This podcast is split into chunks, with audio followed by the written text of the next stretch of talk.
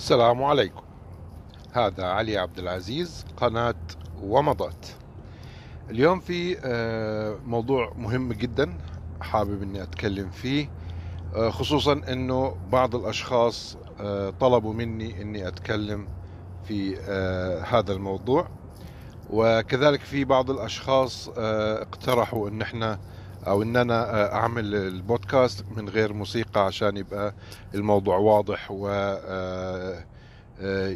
يسهل سماعه وفهمه يعني. على بركة الله هنبدأ ونتكلم في موضوع النهاردة وهو موضوع جدا مهم وموضوع بينتاب كثير من الناس وخاصة الشباب في الأيام دي وهو الإحباط واليأس. خلينا نتفق على حاجة في البداية يا جماعة. قبل ما نتكلم نتفق على حاجة أساسية. أي حاجة مش بإيدك إنك تغيرها أو تغير المعطيات بتاعتها أو نتائجها فأنت ليس لك يد فيها ومش مطلوب منك إنك أنت تسعى أو تحقق النتائج.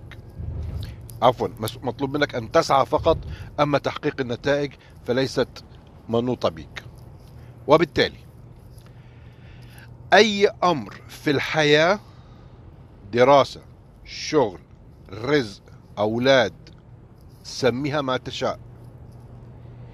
مطلوب منك فقط السعي. أما النتيجة فهي على الله سبحانه وتعالى. حلو؟ طيب جميل.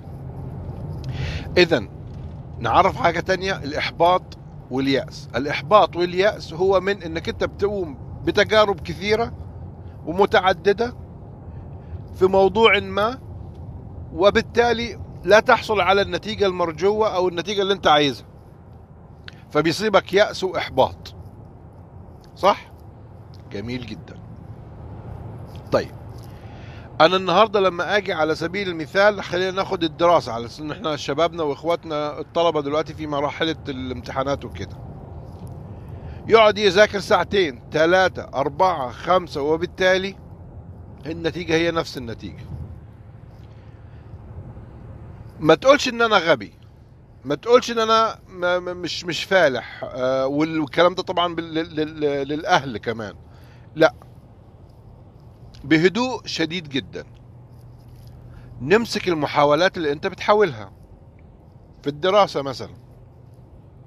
حاول تحلل كل مرة أنت بتقعد تذاكر. المرة دي قعدت ذاكرت ساعتين. كان شكل المذاكرة اللي أنت قاعد بتذاكرها بالطريقة إزاي؟ الأتموسفير والجو اللي حواليك عامل إزاي؟ حالتك النفسية قبل ما تخش تذاكر كانت عاملة إزاي؟ ما أنت بتكونش قبل ما تخش تذاكر متخانق ومتعكن وسامع لك كلمتين في جنابك ومضروب على دماغك بكم كلمة ومواقف والكلام ده كله وتقول إنك أنت هتعرف تذاكر أو هتعرف تستوعب. تمام؟ حلو. اذا إذا تهيأت الظروف في جميع المحاولات نيجي نشوف هنا طريقة إجراء المحاولة عاملة إزاي. بمعنى أنا النهارده ذاكرت ساعتين وبكرة ذاكرت ثلاث ساعات وبعده ذاكرت خمس ساعات ونفس الأتموسفير ونفس كل حاجة ونفس كل حاجة. حلو؟ بس أنا النهارده ذاكرت بطريقة كان جنبي ورقة وقلم وبقرأ الصفحة وبلخصها في نقاط ومش عارف إيه وخلصت ما يقارب 25 صفحة في الساعتين واستوعبتهم تماما. بكرة أنا ذاكرت ثلاث ساعات. بس كان شغال جنبي راديو أو مسجل أو تلفزيون. ذاكرت ثلاث ساعات خلصت فيهم عشر صفحات بس اللي استوعبتهم صفحتين. حلو. جميل جدا. طيب زي ما إحنا بنقول في عوامل بتؤثر في أدائي. أنا مطلوب مني زي ما اتفقنا من البداية أنا مطلوب مني إني أسعى إني أبذل المجهود وأبذل المجهود المطلوب. مش أبذل مجهود أقل عشان أقول بعد كده والله أنا عملت بس ما لا. لنفرض إنك أنت مطلوب منك عشان تستوعب ال 25 صفحة دي وتذاكرهم كويس بأتموسفير كويس مطلوب منك على الأقل ثلاث ساعات. حلو؟ إذا حصلتهم في ساعتين جميل. بس أنت عامل حسابك إنك هتبذل الثلاث ساعات ومهيئ نفسك ومهيئ ال- ال- الجو حواليك والكلام ده كله. حلو؟ أنا على فكرة بضرب موضوع الم- المذاكرة ده كمثال أوكي؟ طيب. جيت أنا قعدت بس ما هيأتش الظروف. والأتموسفير اللي حواليا أو الجو المحيط اللي حواليا ما كانش جو مساعد للمذاكرة. فبطبيعة الحال الثلاث ساعات ممكن يبقوا أربع ساعات وخمس ساعات وما خلصش وما استوعبش ال 25 صفحة. حلو؟ طيب. نيجي دلوقتي النتيجة عندنا بيد ربنا. حلو؟ ممكن إنك أنت سبحان الله أنت ذاكرت ساعتين مثلا وخلصت فيهم خمس صفحات واستوعبتهم تمام. جميل؟ وتاني يوم ذاكرت خمس ساعات خلصت فيهم عشرين صفحة. حلو؟ بس ما استوعبتش منهم إلا عشر صفحات. ومن العشر صفحات دول مش الصفحات اللي انت استوعبتهم لما ذاكرت ساعتين. سبحان الله تخش الامتحان تلاقي معظم الأسئلة اللي جاية لك في المح... ال- ال- الصفحات اللي انت. استوعبتهم في ساعتين. ده قدر الله سبحانه وتعالى إنه بيهيئ لك النتيجة. جميل؟ اللي أنا عايز أقوله يا جماعة ما تلومش نفسك محاسبة النفس مطلوبة. محاسبة النفس مطلوبة. لكن جلد النفس وجلد الذات ده الحاجة الغير مطلوبة وغير مستحبة وغير مسموح بيها. ليه؟ أنا لما أعاتب نفسي وأحاسب نفسي فأنا بالتالي كده بطور من أدائي وبطور من أسلوبي وبطور من آه، آه، مهاراتي لتحسين النتائج. اللي هي بإيد ربنا سبحانه وتعالى. أنا بحسن أدائي على أمل إن شاء الله ان ربنا سبحانه وتعالى هيحسن النتيجة. حلو؟ لكن لو جلدت نفسي جلد النفس هيؤدي إلى الإحباط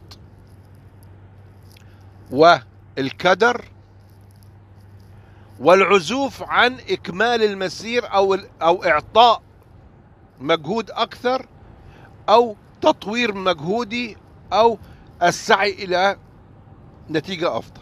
فبالتالي أنا عملت في نفسي إيه؟ خسفت بنفسي ورا. فبالتالي الطبيعي إنه النتيجة تبقى مش كويسة. طيب. خلينا ما نتكلمش عن النتائج لأنه زي ما اتفقنا إحنا علينا السعي والنتيجة بإيد ربنا سبحانه وتعالى. طيب أنا المفروض مني إني أسعى. فبحاسب نفسي على حاجة مش بإيدي ليه؟ يعني لما أكون أنا مطلوب مني إني أذاكر وبذاكر كويس وببذل مجهود فعلا كويس وببذل كل ما في طاقتي أوكي؟ بما يرضي الله. بعد كده تيجي النتيجة ما تبقاش كويسة هنا قدر الله وما شاء فعل. يعني يا ريت تركزوا في النقطة اللي أنا بتكلم فيها إنك أنت بذلت الجهد و ال- ال- ال- ال- المجهود المطلوب ولكن النتيجة جاءت على عكس المرجو أو على عكس الطبيعي فده قدر الله سبحانه وتعالى. حلو؟ طيب. طب لو أنا بقى ما بذلتش المجهود وما عملتش المجهود المطلوب. يعني بدل ما ما أذاكر أو المطلوب إني أذاكر 10 ساعات عشان أحصل النتيجة الم- المرجوة ذاكرت خمس ساعات أو أربع ساعات. لا هنا بقى الوضع مختلف. أنت هنا ما عملتش اللي عليك. وإن كان في النتيجة في النهاية النتيجة بإيد ربنا سبحانه وتعالى في كل الأحوال. ولكن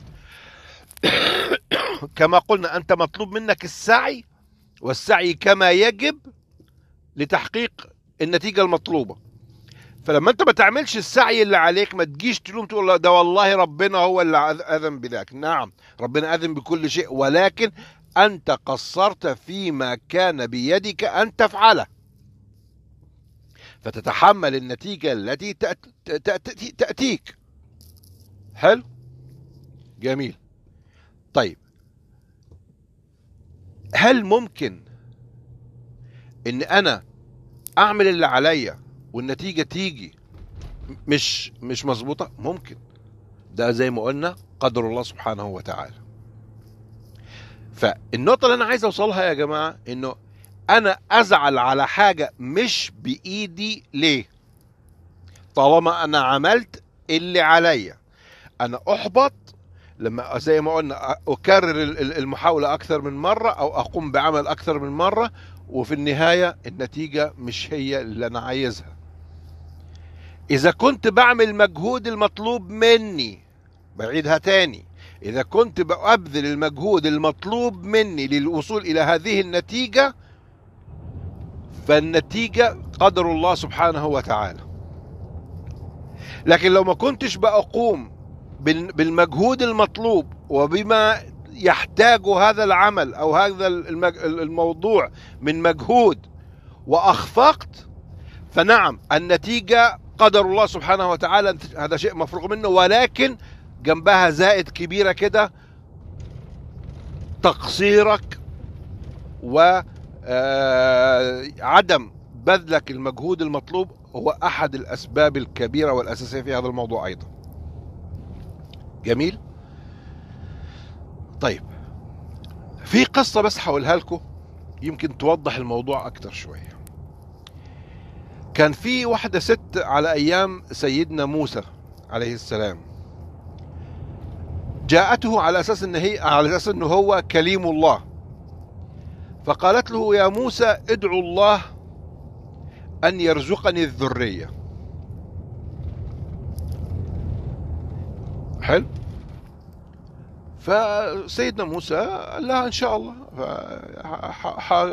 أكلم مع ربنا إن شاء الله وأرد عليك.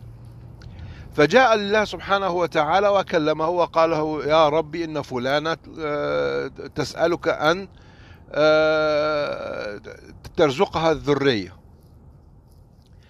فرب العزة قال له يا موسى لقد كتبتها منذ الأزل عقيم. فكيف لها أن تنجب؟ فرجع سيدنا موسى وقال للست إنه ربنا سبحانه وتعالى بيقول أنه كتبك منذ الأزل أنك عقيم. فذهبت المرأة ثم جاءت مرة أخرى لسيدنا موسى بعد سنة. وعلى يدها طفل. فقال لها من هذا؟ قالت له ابني. قال لها كيف أنت عقيم؟ قالت له اسأل رب العباد.